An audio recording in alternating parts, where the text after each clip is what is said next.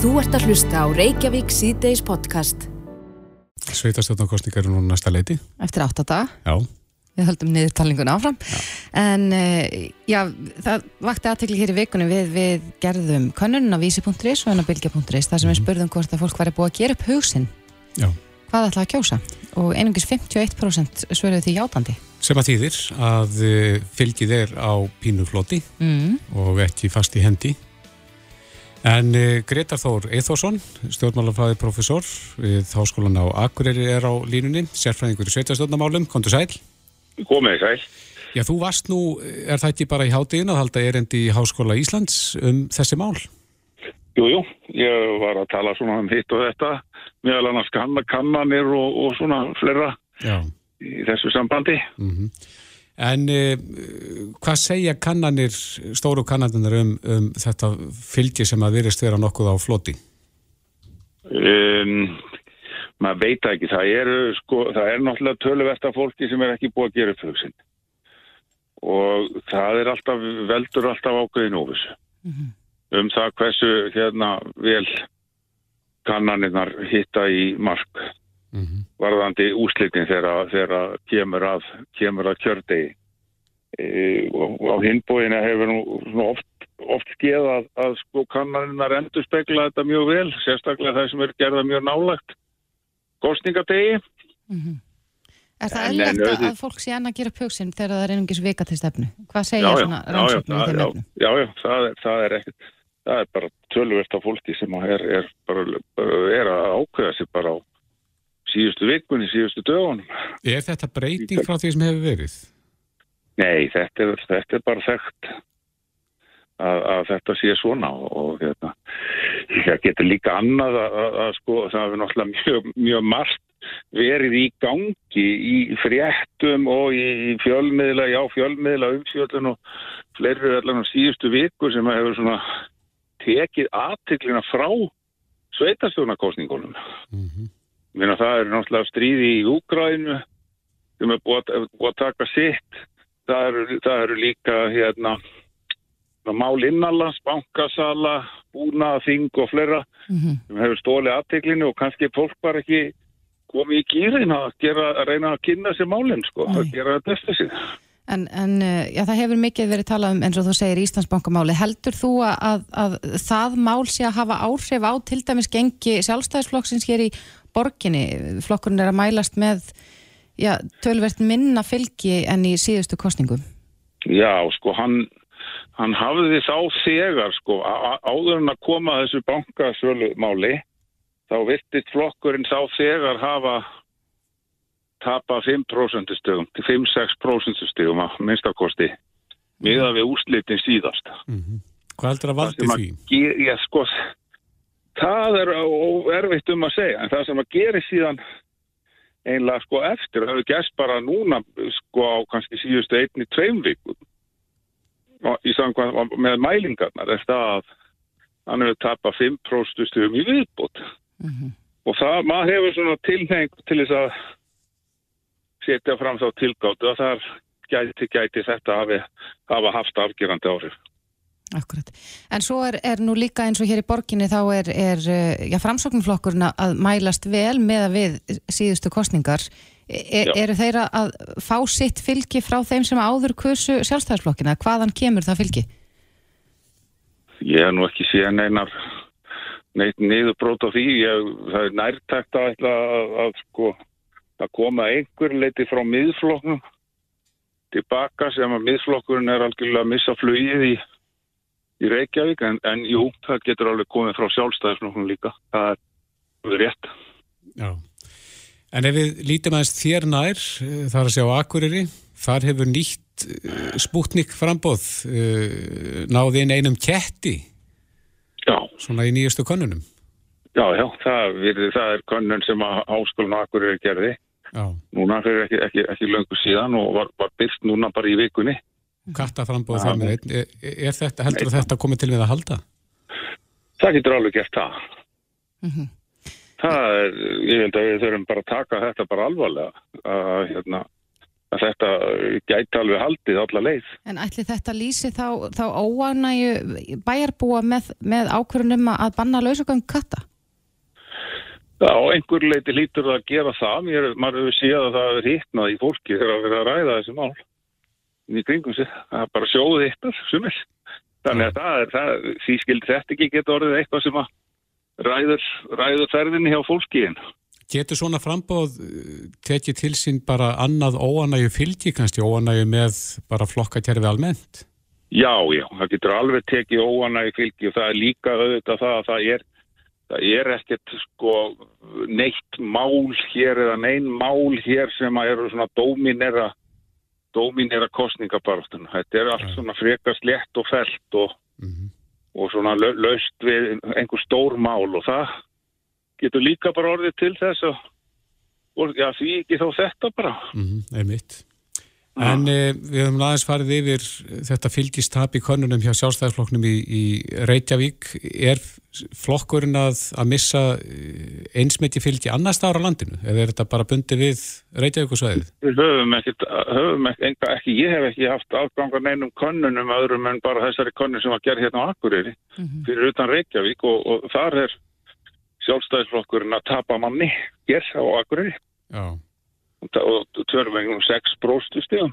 Þannig að það maður búast því að þetta sé svona bara í gegn og gangandi í? Man veldi í fyrir sig hvort að, hvort að þetta sé að hafa áhrif. Þetta hefur nú kannski helst, hefur nú gætna helst haft áhrif allavega í Reykjavík og stundum í svona stær, stærsti, stærri sveitafélagunum mm -hmm.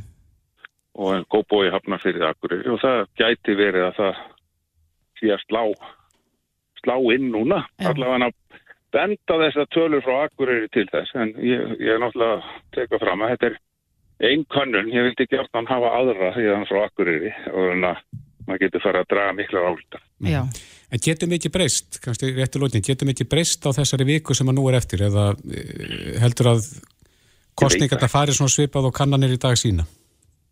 Já, ef að þær er að mæla, mæla það, það, hérna, hugfólks eins og hann er í dag sko. við hefum náttúrulega oftar en ekki séð séð að, að hérna, ungt fólk svarar í könnunum og mætir ekki að klösta mm.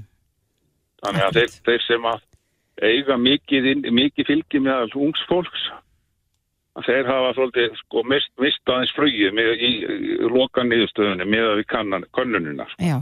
en, en kannski blálókin Gretar eh, nú er rúm veikandi stefnu heldur að muni farast aukin harka í leikin?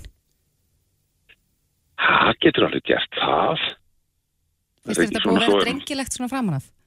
Manni finnst það nú svona frekar þetta sé nú ekki mikil þetta sé nú ekki neitt, neitt verulega krassandi sko sem er búið að vera í gangi en, en neini við skulum sjá hvort að vera eitthvað að hittna þegar líður á næstu viku sko er nú oddvita umræður í sjónvast fjölmjölum líka þetta síðustu dagana og kvöldið áður. Já. Það er nú yfirslegt gæst þar.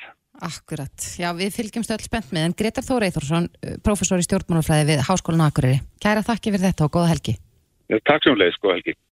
Þú ert að hlusta á Reykjavík C-Days podcast. Núna rétt fyrir klukkan fjögur að þá eh, hittust menta og barnamálaráð herra mm -hmm. Ásmundurinn að Daðarsson, Katrin Jakobsdóttir fórsettisráð þeirra og Dagur Bjækisson borgastjóri og undirritu vilja yfirlýsingu um byggingu nýrar þjóðar hallar Hvað þýðir vilja yfirlýsing? Ja, þetta er nú, hefur kannski farið svolítið svona öfugt, öfugt ofan í marga, mm -hmm. það var mhm. margir tjáðsi til dæmis á Twitter í dag, þar meðal Tómas Þór Þórðarsson sem er nú formaður samtaka íþróttafyrtamanna Hann sagði hvernig gæti ég glemt viljaeyflýsing bætum því á þjóðarhallar orðalistan góða mm -hmm. og þar til hann upp orðins og þarfagreining, undirbúningsfélag, starfshópur, millistig, undirbúningsnemnd, forhönnun, undurhópur, frumatun og fleira. Já. Ásmund Reynar er sestur hjá okkur, kom þið sæl? Sælverði.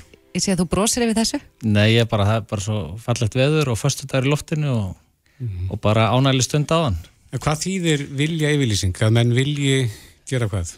Já, það er rauninni sko, það sem við erum að tala um þarna er að, bara svo við förum aðeins yfir, hvað ákvörðum við vorum í rauninni að taka, vegna þess að hérna, uh, hér síðustu vikur bara, þegar, ég er rétt að þegar þessi ríkistjórn tók við þá lögum við áherslu á það, við ætlum að koma þessum verkefnum áfram, við ætlum að uh, högga á þess að hnúta og ég hef sagt það frá fyrsta degi að verkefnið er að við, þessi þjóðarhöll eigi að rýsa uh, og við ætlum okkur að komast á stað með þjóðarleikvangin og það er við um frjálsýþróttin og ég held ég að nú mætti vital hérna til ykkar um það. Mm -hmm. uh, Íþróttarhefingin í vinnu sem unnin var í einu af þessum starfsópur sem að nefndir er í þessari skemmtilegu Twitterfæslu hefur lagt áherslu á það uppbyggingin eigi sér stað í lögadalum uh, uh, og haldi áfram þar. Síðan höfum við séð fjöldan allavega sveitafélagum sem hafa verið að koma fram bara síðustu vikur þegar við höfum verið að segja, jú við ætlum í þetta, við ætlum í þetta, við erum ekkert að fresta neinu. Þá koma fjöldan allir og sveitafélagum fram og sagt, já við viljum koma einhverju samtal og svo framvegist. Það sem við erum í rauninni að gera þarna er að höggva þann hnút að gera það sem meðalans íþróttarhefingin óskar eftir. Við ætlum að byggja þjóðarhöll, við erum að ná saman um það ríki og sveitafélag, eh, ríki, ríkisvaldið og Reykjavíkuborg, við ætlum okkur að byggja þjóðarhöll í lögadalunum við ætlum okkur að hérna, eh, setja í gang framkvæmda vinnu við hana, hönnun mannvirkisins endalegt kostnarmat mannvirkisins sem að mun taka mið af hönnuninni, við erum að tala um hönnunar keppni, samkeppni og við ætlum okkur að kostnæðaskiptingin muni byggja á annars vegar þarfagreiningum sérsambandana, það er segja landsliðan okkar, handbóltalandsliðsins, körvugnallislandsliðsins, fimmleikan og svo framvegis og hins vegar þeirra íþróttafélaga og, og þeirra skóla sem að borgin sér fyrir sér geta nýtt mannverkið. Þannig að þetta er það sem við vorum að ná saman um. Þannig að nú erum við hægt að rýfast um það höll, hvort höllin er að lýsa og hvar hún er að lýsa. Heldur þurfum við að fara á stað í það að ljúka hönnuninni undirbúningnum til þess átt okkur nákvæmlega á hvað hún mun kosta. Þar, þar hérna á þetta að taka afstöðu til þess hvort að vera 5.000, 6.000, 7.000 eða 8.000 sæti svo dæmi séu tekinn en við erum ekki að fara að tala um hvort hún verði í Moselsbæi eða Reykjavík. Og hvenar á að byrja?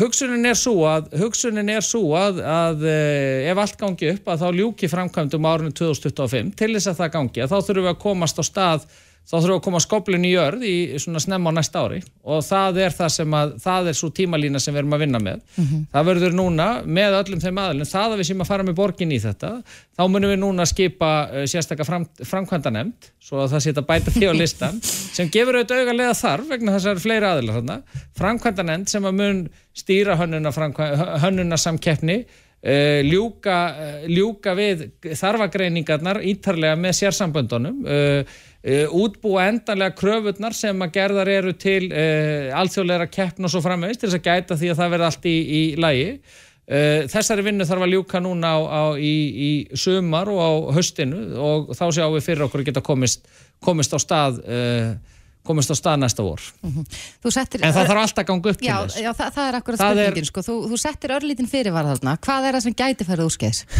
Já, við þurfum nú, það er bara það, það þarf alltaf að ganga upp, við þurfum að nálgast þetta öll af heilindum, við þurfum að uh, það þarf að fara hugsanlega ykkur skiplasbreytingar og fleiri adress, þetta þarf alltaf mattsa og ganga upp og við þurfum að vinna þessu sem einn heild. Og, og ég held að það væri mjög hérna, uh, og það er þannig sem við nálgumst þetta. Og ég mun fylgja þessu mjög pólitíst á eftir og það höfum við gert. Og við höfum verið að stíga mjög inn í þetta núna uh, pólitíkin. Og við ætlum okkur og að, þannig að það þarf bara að gæta því að, að, að að þetta sopni ekki á einhverju stígi sko.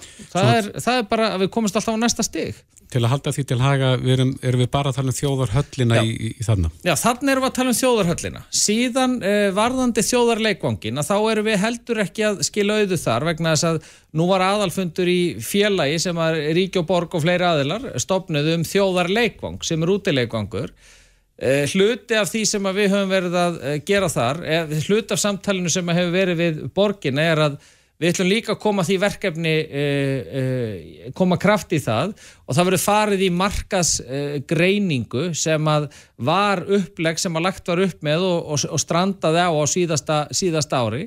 Við ætlum að fara í þá vinnu, vegna það er svona, það, það er stærri framkvæmt, hún er dýrari og það er meiri áskorun reksturinn á henni. Þess vegna vildu menn fara í svona markasgreiningar undirbúninga á því hvort að menn getur séð fyrir sér enga framkvæmt á því gegnum þetta félag og svo framvegis. Þannig við ætlum að setja þá vinnu núna fullt samhliða og svo ertum við frjálsýþrótta eh, aðstöðu sem gertir á fyrir þjóðarleikangi fyrir frjálsaríþróttir eh, að það á að fara í fóraðtugun og því og þá vinnast samhliða. Það er, svona, það er verið að setja mestan kraft í höllina. Við ætlum í undirbúningsvinnuna í leikvanginum og svo frjálsar íþróttinnar eiga að koma þarna með. En, en það er minnst verið að hreyfa við því núna svo við séum svona alveg heiðarlegi því sko. Mm -hmm. um, Það hefur einhver, einhverju hafa bent á það að vilja yfirlýsing hafirinu er ekki lagalegt gildi sé ekki bindandi samkomla hvers vegna var ekki farið reynilega í samningsgerð Já, það eru þetta þannig að, að við, við þurfum við þurfum að fara í það núna. Ef að, ef, ef að ríki og borg eru tilbúin til að fara í það að höggva þann hnút að þetta rísi í lögardalunum þá finnst mér ekki þurfa samning um það að við ákveðum að þetta rísi í lögardalunum við þurfum hins vegar samning um það þegar við förum að átt okkur á kröfunum hjá uh, sérsamböndunum kröfunum uh, endanlega hjá skólunum og þeim sem ætla að nýta mannverkið hönnunin á því þá getum við farið í samningskerðina Þannig að við erum í raunin að segja, við ætlum okkur að byggja þetta í logadalunum, við ætlum okkur að sitja þetta á stað, við ætlum að skipa pólitíska framkvæmdanem til þess að fylgja því eftir og út úr því mun síðan fæðast, fæðast samningur sem að mun fela í sér hönnun á mannvirkinu, kostnaðin og alla þessa þætti sem þarf að, þarf að ramma inn í, í, í mjög stóru mannvirki. Sko. Og þið ætlið að výja húsið 2025? Ef allt gengur upp þá eigum við að geta það og það er markmið, það er mitt pólitíska markmið, bara svo ég sé heiðalegur að við okkur takist að výja húsi 2025, það er það sem við erum að leggja upp með, að við, við, við e, náum því, en til þess eins og ég segi, þá þurfum allir að leggjast og eitt og það þarf alltaf að ganga upp. Og þannig hef ég nálgast málið. Nálgast málið þannig að eiga heiðaleg samtöl við íþróttarheyfinguna, við borgina og alla aðila með að við það ná samanum málið og koma því áfram og reyna að rjúfa kyrstuðuna sem verið hefur þar sem hver hefur bent á annan og, og ásakað hinnum að vilja ekki gera þetta og hitt og svo framvegis. Vegna þess að það er bara þannig að við viljum koma verkefninu í framkvæmda fasa og ég hef á mér engan annan draum en að koma skoplinu í jörðin eins fljótt og mögulegt er sko.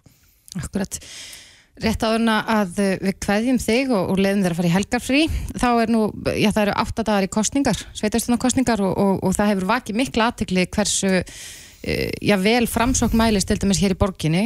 12,3% samkvæmt síðustu skoðurnakönnun sem var gerð fyrir fréttastofan okkar hér og miða við að, að flokkur mæltist með 3,2% fylgi í, í síðustu kostningum Hva, hvað er að gerast? Nei, mér finnst bara, já, það sem að framsóknarflokkurinn hefur náttúrulega, við erum náttúrulega, allir flokkar segja stöður með öflugustu frambjöðundurnar, en við erum með öfluga frambjöðundur, eh, en það sem að við erum líka bara, við höfum bara lagt áherslu á að vera vinnusum í okkar vinnu, eh, vera ekki að gaggrína aðra nema að eh, okkur finnist törfa á því, vinna bæði til hægur og vinstri og hérna uh, og, og ég held að það sé bara skila árangri sko. Og, og ég hlakka bara til þess að fylgjast með þessum kostningum bæði hér í Reykjavík en líka bara á höfuborgarsvæðin og landin öllu. Og það er mikill kraftur við það og, og hérna uh, og við nálgast þetta svona heilstætt út frá þessu að, að hérna uh, að segja við skulum við skulum við erum bara vinnusum, við sinnum okkar málum og hérna og fólk getur treyst því að það er ekkert verið að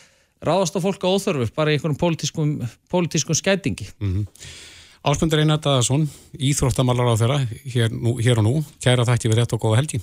Takk fyrir, sömu leðis Þetta er Reykjavík C-Days podcast. Í dag eru nákvæmlega 8 dagar sem mhm. að frambjöndur hafa til þess að sannfæra kjósendur um að merkja rétt á siðilinn Akkurat Eh, Sanna Magdalena Mörstuðóttir, oddviti Sósialista flokksins í Reykjavík er komið til okkar velkomin. Takk fyrir. Rennum aðeins yfir svona ykkar helstu baratumál fyrir mm -hmm. þessa kostningar. Mm -hmm. Við þurfum að útrýma áræðslætinu sem hefur fengið að viðgangast hér í borginni ár eftir ár. Það er fátækt, ójöfnur, húsnæðskreppa og borgin, hún á sjálfa byggja húsnæði, hún á tryggja að hér sé nægt húsnæði til staðar að þegar við lítum til bylista borgarinnar að þá sjáum við að það eru vel yfir 900 einstaklingar sem er að býða eftir húsnæði. Mm -hmm.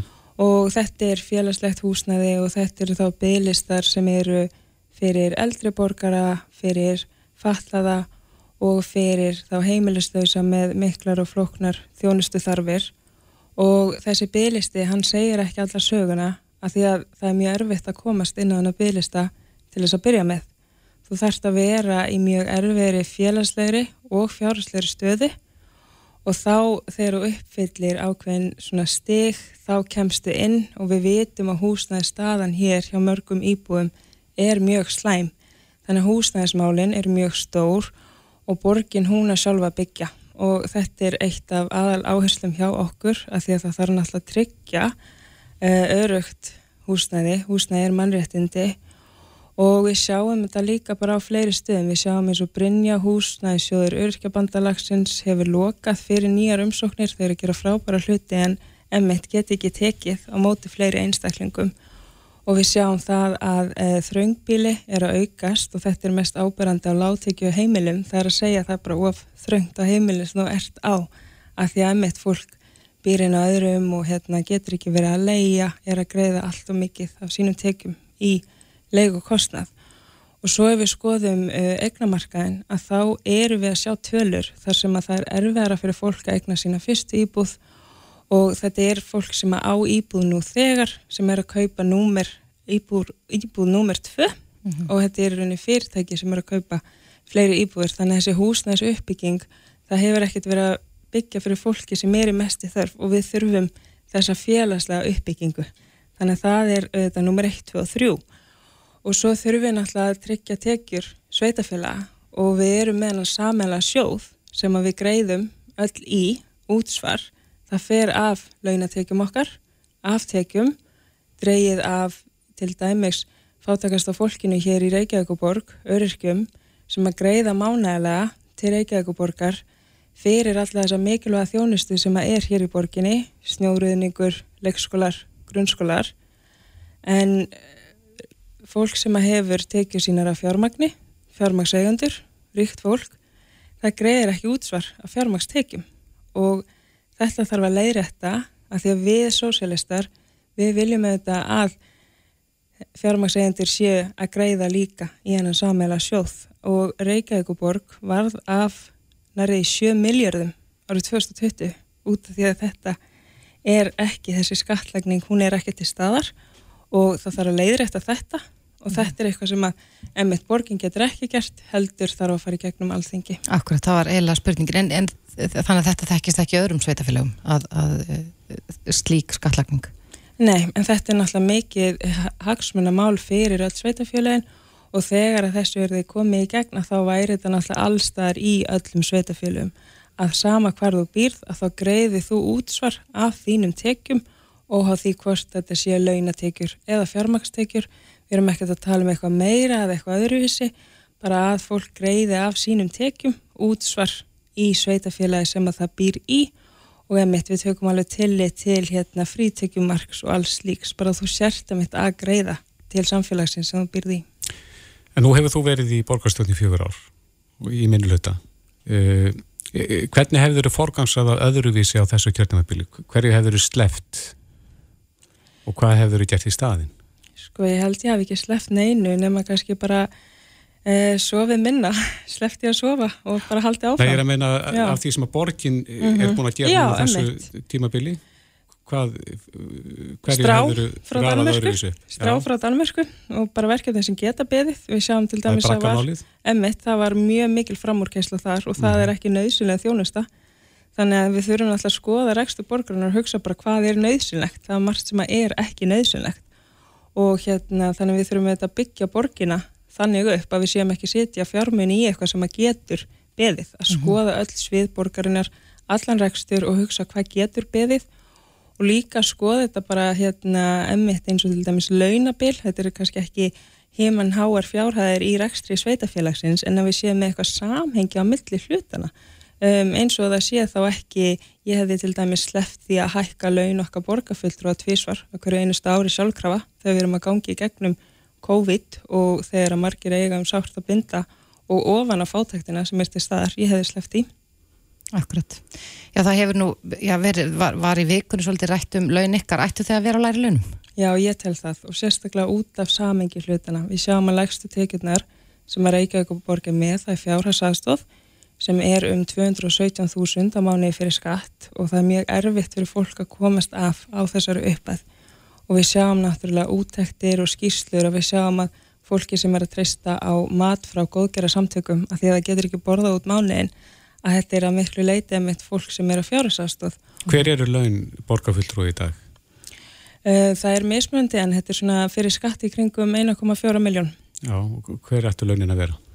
Ég tel að þau ætti ekki að vera meira en þrjaföld hæðstu laun, nei lægstu laun ásakið, mm -hmm. lægstu laun eru núna í dag 368 ást, þannig ég tel að þetta ætti að vera svona bundið við það. Mm -hmm. Akkurat, en, en til dæmis núna hefur mikið verið rætt um, um, um hérna, samgöngumálinn í borginni, mikið talað um borgarlínu, einhver út, útgáfa af borgarlínu eða ekki borgarlínu, hvað standið þið þar?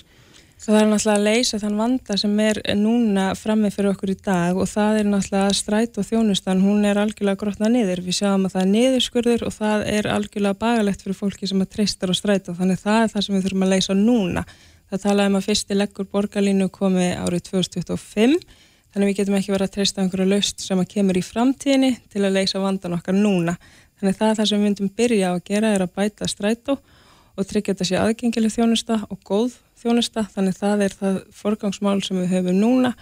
Og við sjáum líka emmitt að sama tíma og við þurfum að hérna, efla almenningssangungur og svona tryggja að þær séu góður valkostur til þess að emmitt að létta á umferð og líka bara út af náttúru sjó, vendar sjónamiðum að það fara hljóð og mynd ekki saman þegar það er verið að hækka áskort ungmenna 12-17 ára í strætó og það er verið að hækka áskortið hjá eldriborgurum í strætó. Þannig við þurfum að gera þess að þjónustu góða aðgengilega ebla hana. En svo getur borgarlína verið emitt góðu kostur í framtíðinni en ekki þannig að við séum að fara að sætt okkur við lélega þjónustu núna því eitthvað gott kemur eftir mörg ár. Akkurat, eh, kannski rétt í lókin áður en við, við förum inn á auðlýsingarli og svo eins og við höfum sagt þá ætlum við að opna fyrir síman hér eftir að lefa eh, hlustendum og kjósendum að ringja inn.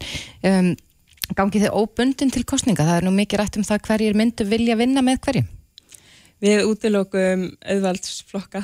Við erum ekki að fara að vinna með þeim flokkum sem að eru til hægri. Það er bara ekki Hvaða við. Hvaða flokkar eru það? Ég myndi segja að það sé uh, sjálfstæðisflokkurinn og, og það eru fleiri þarna undir sko. Þannig að hérna, já. Já, hverjir fleiri? Já, hmm. Ég bara er ekki með alveg nákvæmlega útskýrt, ég þarf að ræða betur bara með, við mitt fólk, sko. Mm. En þið útilokkið samstarfið sjálfstæðarflokkin? Já. já. Og við reist. Og við reist, já. Opnum fyrir síman, hér eftir augnablík, Sanna Magdalena, Mörtudóttir, ótvitið sósélistaflokk sem situr hjá okkur og svarar ykkar spurningum eftir augnablík. Þá opnum fyrir síman, símanum er 5671111 og uh, hún situr hérna hjá okkur, hún Sanna Magdalena Mörtudóttir, ótviti sósélistaflokksins mm -hmm. og það er spurning hvað þið viljið spyrja hana um varandi stefnumál sósélistaflokksins en símanúmeri til þess er 567-1111 Og mér sýnist einhver vera á línunni, góðan daginn. Já, góðan daginn. Hver er þar? Já, Bergþóra heit ég. Bergþóra, erst þú með Já, spurningu fyrir ég... sönnu? Já, ég ætla svona að vita hvort hún geti svona rekið og eftir fastlögustæðir fyrir okkur hérna í lögadalum og veit alveg hvað ég er. Já, Já takk, takk fyrir þetta Bergþóra. Er, er, það, er það húsbílarnir eða? Já, sæl Bergþóra, takk fyrir að ringja. Já, ég tel þetta sé mjög mikilvægt að komist laust í þetta og það sé með hérna tryggt í framtíðar þannig að íbúar hérna sé ekki að býða til lengdar, að það sé bara tryggt í framtíðar hvernig þetta eigi nákvæmlega að líta út og mm. þetta sé unni í samvinni við íbúa og þannig að það sé bara lausn og íbúar sé ekki að mynda að búa við þetta óöryggi þar sem þau þurfa að býða eftir svörum og upplefa svona mikið óöryggi þannig að þetta það þarf að komast eitthvað svona lausn í þetta þar sem að hérna, íbúar eru ekki settir á býð og svona er að býð eftir svörum Er það hjálísinn og húsbílarnir? Og... Já, Já. Mm -hmm. Herru, takk fyrir þetta e, Símanúmerið 56711 Góðan dag Halló Er ykkur hér? Góðan dag Halló. Engur að leita símanum? Nei, þetta er eitthvað sem er bara með síman í vasanum hefur mér. En eins og við segjum, símanum er 5, 6, 7, 11, 11 en, en ég er forvitin að vita kannski aðeins meira um þessi hjólisamál þá verður líka til umræðu hér í gær mm -hmm. er, er, þetta semst komin upp eitthvað svona pattstaða þar sem að, að e, ekki næst að koma á samkominlagi um hvar slíkt skuli vera? Hún Kolbrún Baldurstóttir fyrir ekki ef að ég skjóta að tala um að koma ættu upp, já, reynilega svona hálgirum hjólísa gardi? Mm -hmm. Sanns að samningurinn rennur út í mæ og íbúðanir eru að býða eftir svörum og náttúrulega get ekki búið við þessu óvissu, bara erum að fara að vera, þú veist, áfram hér verður þetta gerður samningur til lengdar, þannig að það þarf að leysa þetta þannig, þannig að íbúður sé ekki alltaf að gera samning bara í einhvern x tíma og eru síðan að býða bara, herðu við þurfum að endin í þetta, þannig að mm. það er það sem við þurfum að því emitt eins og Gertís, frambjöðand okkar, sjötta sæti á listanum, hún emitt e, býr þarna og talar um þú veist þessu óvissu, hvað þetta er svona óþægilegt að þurfa að býða og vera ekki komið hérna svör, þá vil ég ekki allir búa bara í einhverju steinsteipu þannig að það þurfa að líta til mismöndu þarf fólks og hvar fólk er statt hverju sinni og það þarf emitt bara að koma einhverju svona lausna, það sé ekki alltaf bara fram á síðustu stundu verið að draga hlutina. Mm -hmm. Og þá er það bara næstu hlustandi, góðan dag. Góðan dag, Hver er þar? ég heiti Harpa. Sælarpa, ert þú með spurningu? Já, mér langar svolítið að vita hver er afstafa uh, þýrs flokks til uh, flugvallurins í Reykjavík. Já, Reykjavík flugvöllur, hann er komin á kortið aftur, núna síðustu metrum kostningabartunar, á hann að vera eða á hann að fara? Flokkurinn hefur ekki mótað stefni í því og allar stefnir okkar eru mótaðar að slempuveldum félögum og við hefum ekki sett fram stefni í þessu en svo ég leiði mér að tala persónlega þá finnst mér að ef hann víkur að þá verður að tryggja náttúrulega hérna góða staðsetningu fyrir Mhm. flugvöldin og ef hann víkur þannig að tala um húsnæðis uppbygging farið það fram aðna þá náttúrulega verður að tryggja svo húsnæðis uppbygging sé þannig að hún hendi þurfum fólksins að ég myndi vilja sjá það félagslega uppbyggingu og við sosialistar að það sé húsnæði þá sem að hendi fólki og það sé náttúrulega tekið e, mið af náttúruvendasjóna miðum þar sem að það á við þarna á þessu svæði. Akkurat. Já, næstu hlustandi, góðan dag. Halló, Já, góðan daginn. góðan dag, hver er þar?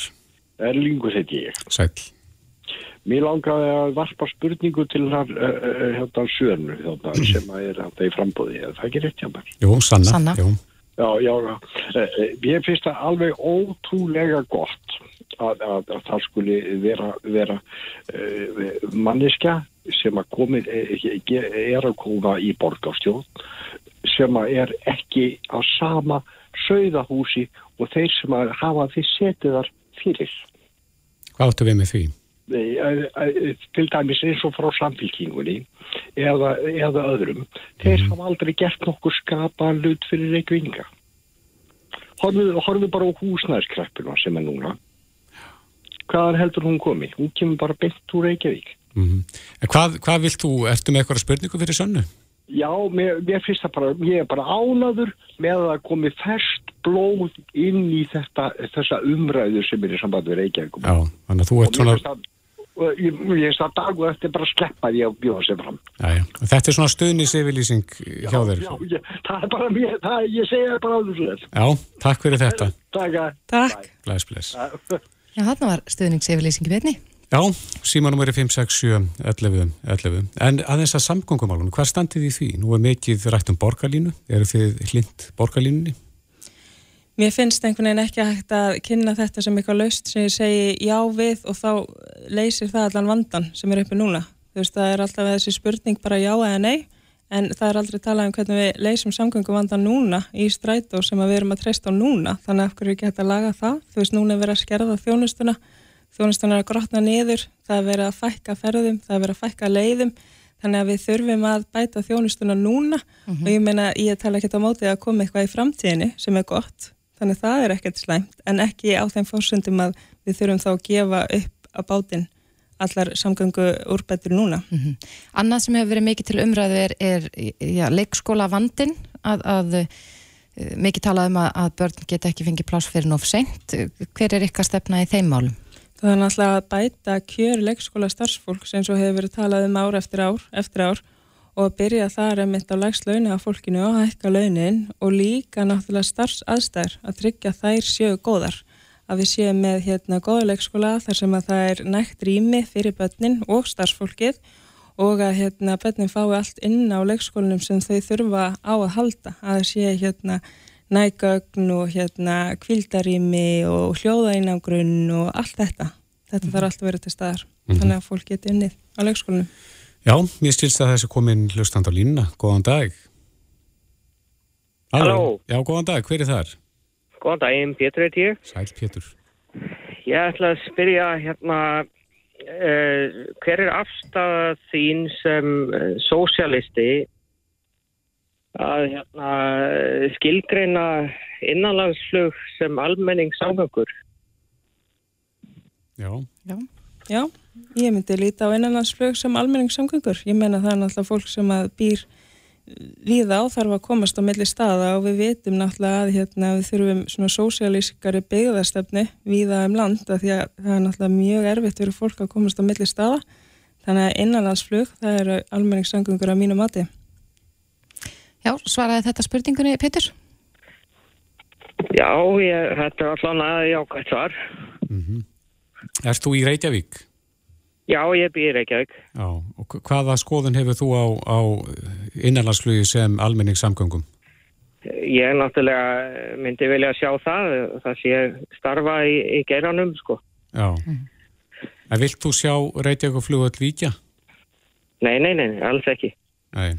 Hann á bara að vera á sínum stað og, og það er bara, að mín, að mín skoðun er bara að það sé vittlis að vera að tala einu snu um það að hafa hann annar staðar á, á meðan að það er enginn annar lausn á því, sko. Þá bara efla Reykjavík flugöld þar sem hann er núna, sko. Já, þeir eru takk fyrir þetta, Pétur.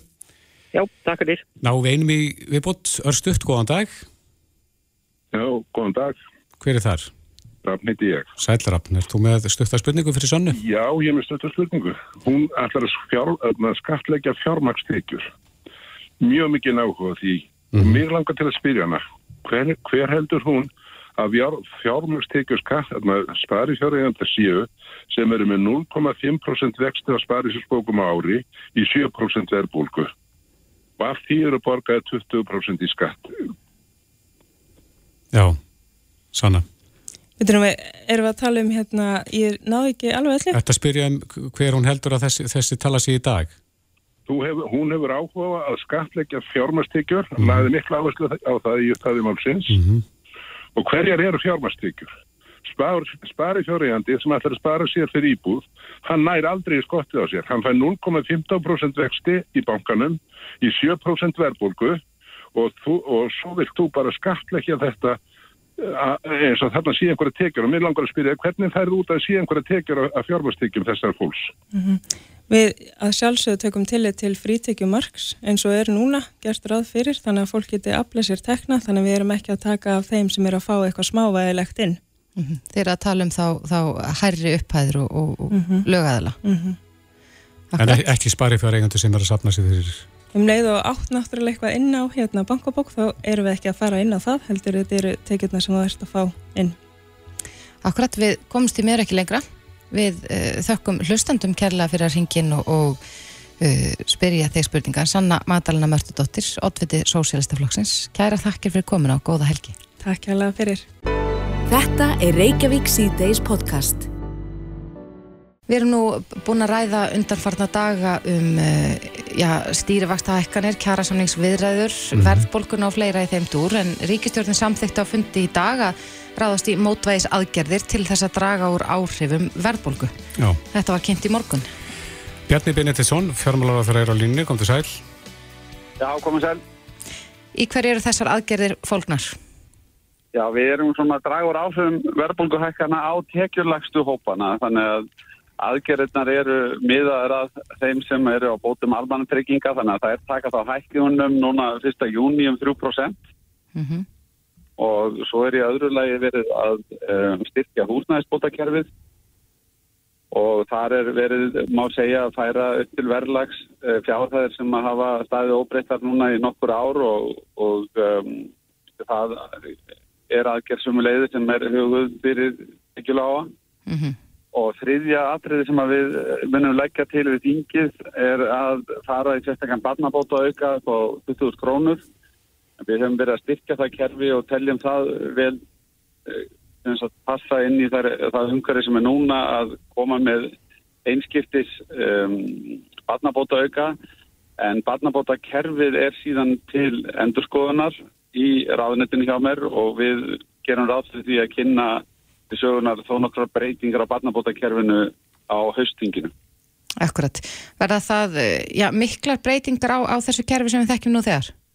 Já, það eru svona, eh, eftir því sem tíminn hefur liðið og við hefum verið að vinna með svona um, ákveðin grunn að eldra barnabótakerfi að þá hafa komið fram svona, um, uh, já, ég veit ekki hvernig ég á orðað það, sko, svona ákveðin miskengi í bótaflokkum að uh, kemur daldi sérkynlu út þegar maður kafar ofan í það hvernig barnabætur skilur sér með ólíkum hætti til ólíkra hópa.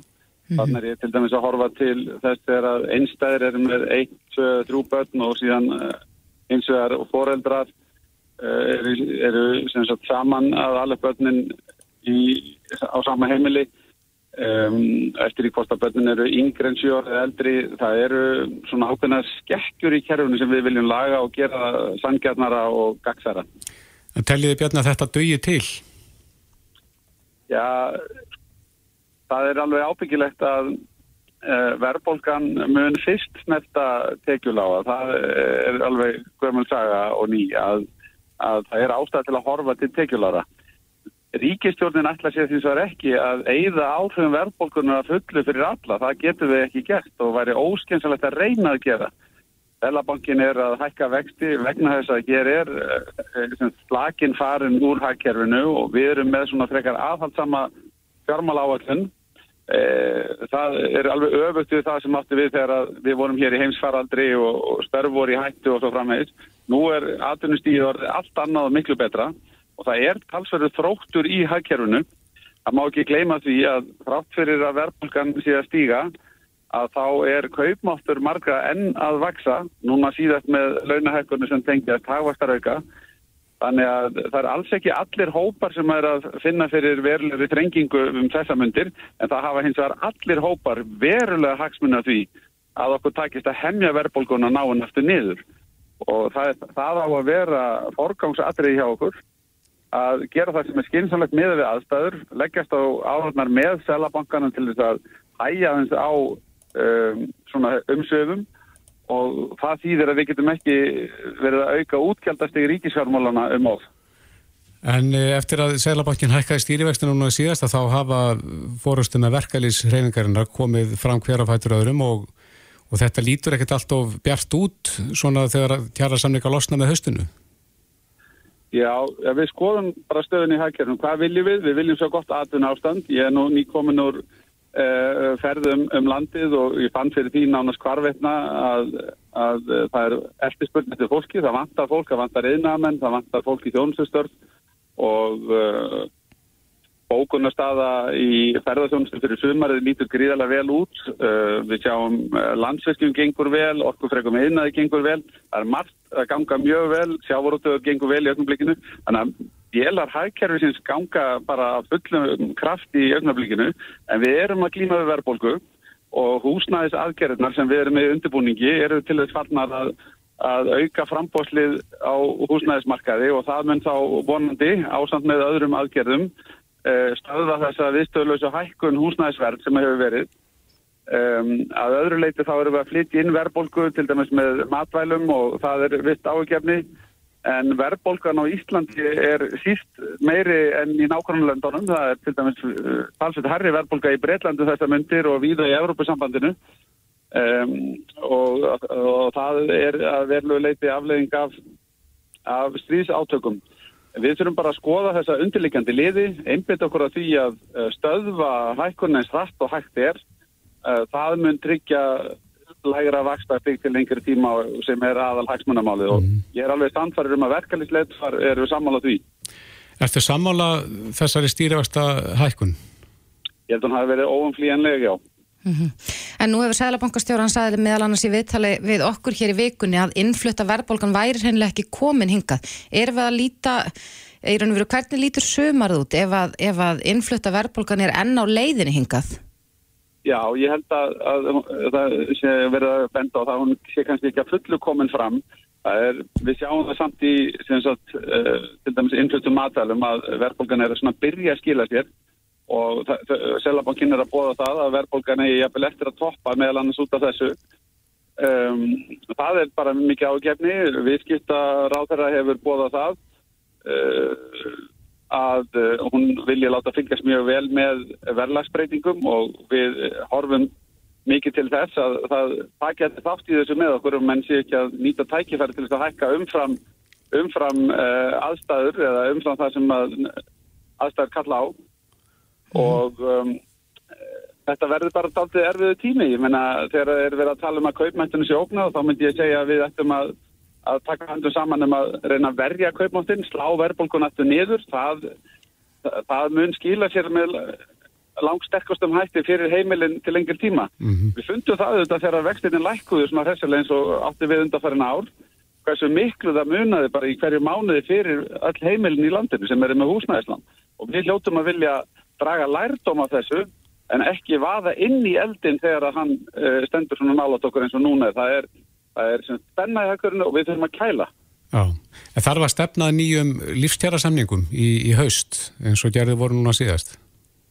Já, ég hef nú ekki eh, kannski uh, heilt talað um það að, að það verði sambarlegt en, en það, það er þó þannig að við erum nú þegar búin að setja á stað talsveit mikla vinnu sem er á loka metrunum til þess að horfa til húsnæðismálana og uh, eftir uh, enn er húsnæðisliðurinn í vístölunni að hækka og uh, við trúum því að við getum haft áhrif á það með því að auka frambóðið Þannig að um, í samhengi þá er svona samstarfi ríkistjórnar við vinnumarkaðin um ákveðna líkil aðgerðir öruglega til þess fallið að, að tryggja farsætli niðurstöðun í, í kjaraverðanum.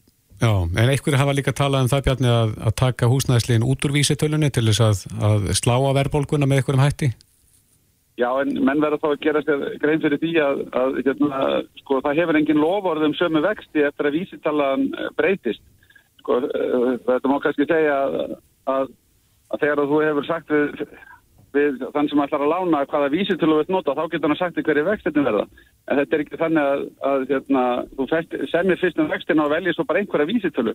Eh, það, það verður, það má gera ráð fyrir því að eh, aukin óvisa sem þetta fylgja breytingum á vísitölunni og með því að húsnæðsliðurinn færi alfarið út, myndi því það einhverja aðra vexti eða breytingar á vöxtónum. Mm -hmm. Samandi satt þetta, þá er einu þeirra skoðunar að, að hérna, við erum eftir að klára umræðu um, um þennan þessa vísplumælingu og, og ég tel alls ekki útiloka að það verður gerðar eitthvað breytingar á því hvernig við mælum breytingar frá einum tíma til annars á húsnæði og verði húsnæðis þannig að, að það geti haft einhver áhrif til þess hvernig vísitalan breytist yfir tíma mm -hmm. á þess að húsnæðisliðurinn farið alfarið út. Já, en, en Bjarni, hvernig er þetta í löndurum í kringum okkur? Einhverju hafa bent á að, að í mörgum löndum í Európa til dæmis er litið á húsnæði sem fjárfestingu en ekki neistlu eins og við mælum það hér? Nei, ég er nú ekki sammála því að við Íslandingar lítum á húsnæði sem neistlu. Uh, ég held að langt flest heimili líti á þetta sem fjárfestingu en, en það er alveg rétt að að uh, það er hægt að uh, styðjast við vísitölur annar staðar án húsnæðislegar og við getum alveg gert það hér. Það er líka að taka óvertri lán, það hefur aldrei að margir verið með óvertri lán. Um, þegar allt kemur til alls, þá, er, uh, þá eru aðgerðir sem að styðja við stöðuleika til lengir tíma alltaf bestið að sfatnar að skila mestum ávinningi fyrir heimilin í þessu sambandi og ef við horfum bara á hlutfall af ráðstöðunartekjum heimilana sem er að fara til húsnæðis þá er það bara vel samanbörðarhægt við það sem að gerist í nákvæmum ríkjónum. Mm -hmm. Rétt aðeins í lókið Bjarni að því að það stýttist í sveitastátakostningar eftir rétt að viku. Já. Þinn flokkur stendur ekkert allt og vel í, í Reykjavík. Hver er þín skoðun á því? Hvað, hvað vantar upp á? Þetta er bara hörku bara það og bara það er ekki búinn. Um, ég hef verið á ferðum all land og, og uh, það er víða mjög góð staða. Í Reykjavík er bara baráttan ennþá hörð og ég held að tölurna sem við höfum verið að fylgjast með úr könnunum undan þarna vik og síni bara að það er svolítið hreyfing á fylginu. Um, við skulum bara sjá þegar að, þegar að við erum komin á endastöð hvernig gengur. Ég hef full að trúa því að sjálfstaflokkurinn komin bara vel frá kostningunum í Reykjavík. Akkurat. Já, það verður spennandi að fylgjast með næstu vikuna þegar kannski aukinn harka færist í leikin eh, á, í sveitastunum kostningunum. Bjarni Benditsson, fjármálur á þeirra. Kæra þakki fyrir þetta. Já, já, já, takk kælega fyrir mig. Reykjavík síðdeis á Bilginni podcast. Já, nú ætlum við að snú okkur að, að já, allt öðrum málefnum en við höfum verið að ræða í dag mm -hmm. og það er romantíkin. Já. Allir fólk líti romantík mismöðandi augum. Það sem einu þykir romantík þykir öðrum eitthvað annað. Já, ég held það. Ég held að það sé bara mjög, að romantík sé bara svakalega tegjanlegt hugtak. Já, erst þú romantísk? Uh, já, ég myndi segja það. Já. Ég get verið það. Mm -hmm. Ef ég er þannig stuði. Já. En ég hef mjög gaman af romantík. Og einhverjum svona óvendu og kannski smá blómum og og eitthvað. Já, stemning. Í stemningu. En nú er nefnilega rákust við á ansi skemmtilegt námskeið og má ég lega segja að þetta sé sko námskeið í romantík og sem ber heitið hvernig komist við í romantíst skap. Er það kannski námskeið sem að annar makinn sendir hinn á sem að mætti vera romantískari? kannski. Læra rómatík. Nákvæmlega. Leiðbyrnandi námskeiðsins, Anna Margrét Ólafsdóttir, er uh, komin til okkar. Kom til sæl, Anna. Sæl veriði. Já, er þetta tilvalið fyrir fólk ef, að- ef að ég er til dæmis í sambandi og, og mér finnst maki minn ekki nægilega romantískur á ég að senda hann til þín? Já, heldur betur, sko, hérna, það er mitt, fyndið á nefnir þetta þegar, sko, svona 90% af fólki sem ég hef sagt frá að ég sé að fara að halda námskeið í romantík svara mér, já, hérna, já, ég þarf að senda manni minn á þetta. og í flestum tilfellum er þetta konur sem að segja ég þarf að senda manni minn. Já. Þannig að ég er svona búin að vera að veltaði mitt fyrir mér hvort að ég að, hérna, halda sér námskeið fyrir karlmenn. Mhm. um, veit ekki hvort að þeir væru þá hérna hvað segir maður svona meira til í að koma ef, að, ef þetta væri bara fyrir kallmenn sko Mhm. En leggja karlar annars stilning í rómatík heldur en konur, heldur það? já, mögulega sko um, sko, þarna komum við kannski líka hans inn á sko tungumál ástarinnar Mhm. svona eins og þú nefndir að þú veist gaman að fá blóm og, og hérna og svona óvænt um, þá eru, eru við með þessi svona þessi fimm tungumál ástarinnar sem eru svona hvað eru svona mitt náttúrulega tungumál til að sína ást og þar leiðindi einhvern veginn uh, þykjana líka. Mm. og þarna erum við að tala um sko hrósorð, svona hrósa magasínum, uh, gjafir svo þjónusta, kannski svo borgarreikninga að taka til að fara í búðina eða eitthvað. Uh, svo bara svona hérna quality time bara, þú veist, það sem að maður er ekki að horfa, horfa á sjómarpið að þú veist, sitja allir við hlið í símanum, heldur maður er bara að spjalla eða fara í göngutúr eða horfast í augu eða eitthvað uh, og svo er það snerting. Þannig að ég held að þetta sé svona við mörum svona aðeins snert á þessu svona á námskeiðinu en ég held að þetta sé alveg bara svona bara grundvallar atriði sem að fólk í samböndum bara svona þurfa að vera meðvitu um bæði sitt eigið tungumál og síðan makans að því þú veist, maður er alltaf að kannski snerta mannesku sem er kannski síðan snertifælin og svo er maður alltaf bara að þjásta þegar maður fær enga snerting á móti einhvern veginn, þú veist, maður svona einhvern veginn að eiga þetta samtal og geta, geta, geta sett sig í, í þessi spór og hérna, mynd kannski keift blóm handi einhver sem að vill fá blóm þó að manni finnst það kannski sjálfum tilgangslöst einhvern veginn. Mm eru, eru kynin mismunandi í þessu?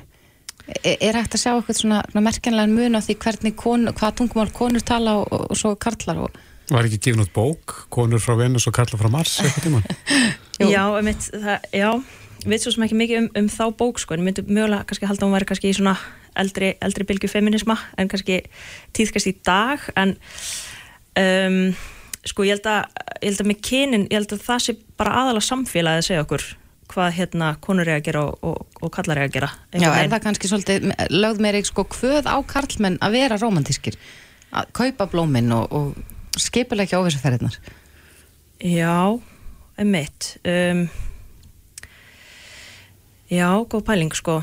Einmitt kannski sko ég held að, þeir séu kannski sko hrættari við að vera romantískir að því að kannski þeir kannski finna fyrir einhverju svona pressu. Mm. einhvern veginn svona og þú veist að svona standa sig, standa sig einhvern veginn á þessu sviði. Og það er svona held ég, held ég að samfélagi sé búið að gefa svona rosalega skýr skilabóð mitt hvað er að vera romantískur og það er einmitt þetta, þú veist bjóð út að borða svo kannski, þú veist, fór á hótel eftir á eða þú veist, faru rósablöð eitthvað svo fyrir í spa og brönnstæðin eftir eða eitthvað, ég, ég veit það ekki um, Góð uppskrift þarna. og, og ég meina, þú veist, ef, ef, ef þetta passar ekki við þína hugmynd um romantík, þú veist, þá skil ég alveg að, að svona, hérna, vera með mótur og að gagvart, þessu, einhvern veginn svona það sem að það sem að, hérna, þú veist, bíómyndir og, og svona út, útvarpið er og, og hérna svona auðlýsingar svona bara neyslusamfélag er að segja okkur að gera og hvað er romantíst einhvern veginn þannig að svona allavega á þessu námskeið þá ætlum við svolítið að svona reyna að skoða bara ef við, ef við hérna, strókum allt þetta í burtu veist hvað stendur eftir bara hjá okkur og, og við mitt að reyna að vera ekki að skilgreina okkur sem romantískar eða óromantískar manniskur heldur bara ef við strókum allt þetta út og bara hvað hérna hvað stendur eftir hjá okkur ef við bara komum, komum okkur í svona okkar persónlega romantíska skap hvað myndum við þá gera? Erum við í grunninn rómatísk eða ekki? Er þetta læra rómatík? Ég held að, ég held að við, við, við séum það sko, ég er bara eins og, ég meina ég held að við fæðumst öll skapandi og bara einhvern veginn svona aflæru við það eða svona hættum að æfa okkur í því sko, ég held að við sé, séum það öll sko. Og svo bara einmitt, einmitt er þetta bara spurningin hvað er, hvað er romantík fyrir okkur og hvernig viljum við rækta hana sko. Mhm. og, og ég meina ef, ef þetta er eitthvað sem við viljum viðhalda í okkar lífi þá er þetta algjörlega eitthvað sem að kannski ekki, kannski ekki læra eins og, eins og þessu námskeið ég er ekki fara kannski endilega að kenna, kannski meira bara svona fara svona leiða fólki gegnum eitthvað svona opna, opna á eitthvað svona opna á þessa romantísku rás Mhm. En Hjá þetta er líka rannsóknarefni hjá þér. Þú ert að, ert að rannsaka hvernig þú getur hjálpað fólki að verða romantískara. Já, já. Og þetta er hluti af lokaverkefni sem að, að, þú ert að gera við uh, Listaháskóla Íslands, ekki satt? Jú, einmitt, já, ég er hérna í, í mastersnámi í sviðslistum uh, við listaháskólan og þetta er einmitt svona partur af mínu svona rannsóknarferli mitt eins og segir hvernig ég get hjálpa fólki að vera romantískara þannig að þetta er, ég hef svona ég verið að taka hópa í, í romantískar göngur og hérna þá er, þá er það bara svona eitt skipti sem við hittumst og förum í hérna romantíska göngur og svona opnum svolítið á þetta romantíska skap.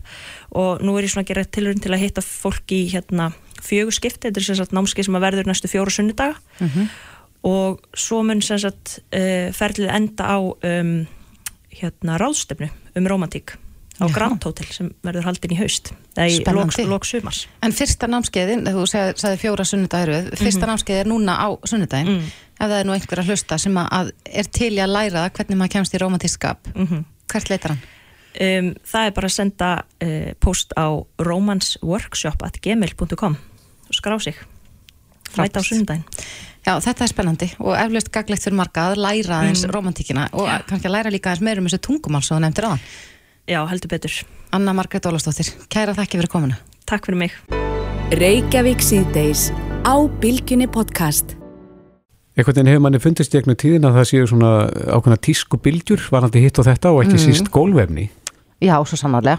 Og hérna og einhvern veginn hef ég á tilfinningunni að teppi séu að koma inn aftur. Já, þetta þegar ég var yngri, bara, bara gutti að þá var mikið um teppi. Mhm. Og svo hurfu teppin og parketti kom inn í dúkar já og svo hafa komið flýsa tímabil þar sem að fólk flýsa leggur alveg hólf og gólf. Einmitt. Ég var nú stöðt á Eskifyrði um, um páskana í, húsi afa e, og ömmu Mhm. fyrir austan. Já. og það er tepp út um allt. Og það er eiginlega alveg dásamlegt að vera með tepp það er eitthvað svo hlýlegt og, en ég, ég var pínu svona þreytt þegar ég var að reyksu að teppið við brottfur Já, það tók aðeins á. Tók aðeins á. Akkurat. Jónas Rapp Bjarkason hjá Parka er á línunni, komdu sæl Komið sæl. Já, þið sjáu þetta, þið eru náttúrulega með alla línuna það ekki af gólefnum Jú Eru, er eru teppin, eru þau að koma inn aftur? Já, þau eru að koma rosalega mikið inn núna undanfærin tvö ár sér um það til Já, og þá er fólk meira að leitast eftir þéttum, þykkum, mjúkum teppum. já Bæta Svona djúsi Vindilagi líka. Já. Já, eitthvað, eitthvað virkilega djúsi, eitthvað sem gott er að stíga og, og, og eru bara fallega. Já. Er, er fólk að setja teppi á heilu, sko, heilu fastegnunar eða er þetta ákveðin herbergi sem eru teppalöð? Það er nú alltaf einn og einn sem að setja þetta á heilu fastegnunar en, en oftast nær er þetta bara svefnherbyggin, sjónasvól og stígar.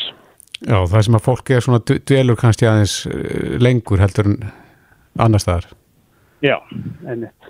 Já, en hvernig teppi, er, við að tala um svona þykk teppi, bara svona ría teppi ykkur eða, Nei, ekki alveg svo þykk. Þau eru, við erum mest í því, í þeim bara í svona móttum, svona þykk ríamóttur. já, En, en þetta þarf að vera svona þjætt, uh, mjúkt og svona en slett yfir. Mhm. Og því þjættar sem þetta er því að minni líkur að fara eitthvað ónið alveg. Þannig að en eins og Þórti sagði náðan að, að það tekur aðeins meira á að, að þrýfa, það þarf að ríksuga vel er bæði og. Þetta er náttúrulega fer allt eftir umgengni en öll efnin í dag eru unnin afrafmagnuð, Mhm. óhreindavarinn og eru auðveldi þrifum og ef við erum að taka gerfiðefnin, póliamít og eitthvað svoleiðis að þá svífur þetta bara af. Já. Ekkert mál. Ég fæ nú kannski bara að bæta því við að ég þetta slefti eh, við það að skúra. Já, akkurat Þannig að það var kannski aðeins erfiðar að reyksuga heldur en að reyksuga parkett og, en, en ég slefti við skúringarnar þannig að það getur verið kostur líka. En, en eitt af því, því... Líka sem sagt, þessi vélmenni sem er yksuða fyrir því, það er allt til. já og þau, þau ráða vel við teppi. Já, já. Já, en, en eh, hefur það einhvern tíman gerst að, að fólk á Íslandi teppaleggi baðherbergi? Ég man eftir því frá Bretlandi að það var nú ansi algengt þar að- að vera með eh, sennilega bara teppalöð baðherbergi sem er hefur alltaf þótt ferlega skrítið. Ég fæ bara rót Eh, ég, skal, ég er búin að selja teppi síðan 2006 og ég hef einu sinni lendi því að selja teppi á Baðarbygg. Já, og aldrei og það var aftur einmitt, Nei, hann var neitt með nostalgíu til Breitlands. Mhm. Já, já. Ég, ég bara rétt ímynda mér sko pissublettina sem að myndast.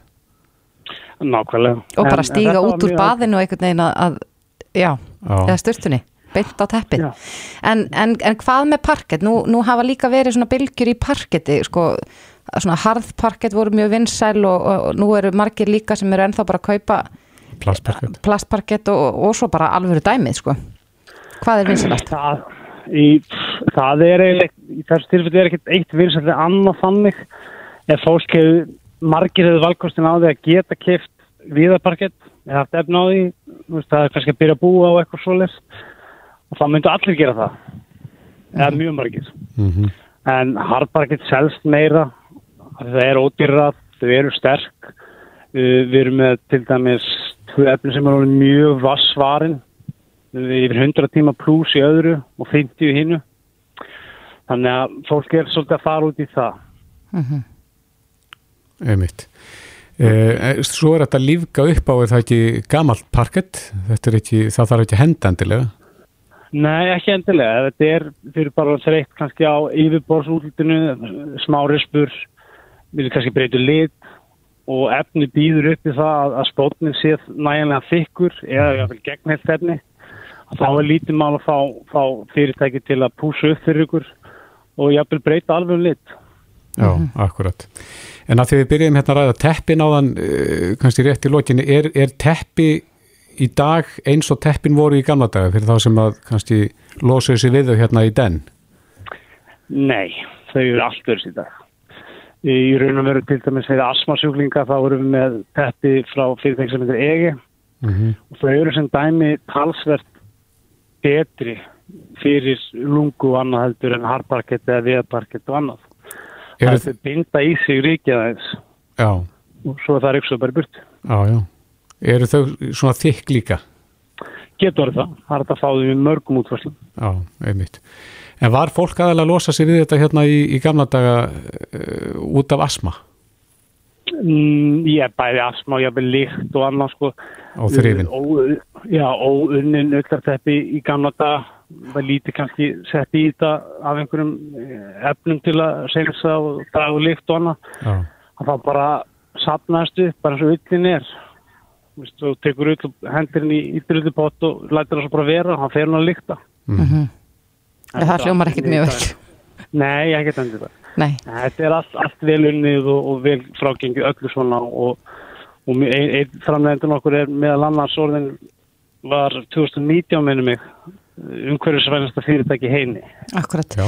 En þú segir að, að þið finnir greinlega upp sveiflu, sveiflu hér á landi í teppinu. Já, það er rosalega mikið um það og, það er voru gaman að sjá út fólk er að koma og er að setja í sérmjöbyggin hjá sér eða pjóbötnunum eða eitthvað, bara teppi í staðan fyrir eitthvað harst. Er þetta límt niður eða? Við mælum alltaf með því að þetta er heilnýtt niður, það eigur endinguna talsverst og ef fólk uh, vill og hefur kost á að taka undirleið, Mhm. þá er með. K- Hvernig, hvernig er teppið sko í verðsamanburði við, við til dæmis svona harðparkett? Það, sko teppin eru nefnilega bæði frá ódýr, og það allt í lægi og upp í rándýr, alveg 30, 40, 50 skall á fermetr. Jáhá. Já. En al, algengt verði okkur af, af lager er svona uh, frá 1250 það er svona allra ódýrast og upp í 12.000. Mm Akkurat. Já, uh, gaman að velta þessu fyrir sér aðeins. Jónas Raffn Bjarkarsson hjá Parka. Kæra þætti fyrir þetta og góða helgi. Takk sem leiðis. Takk.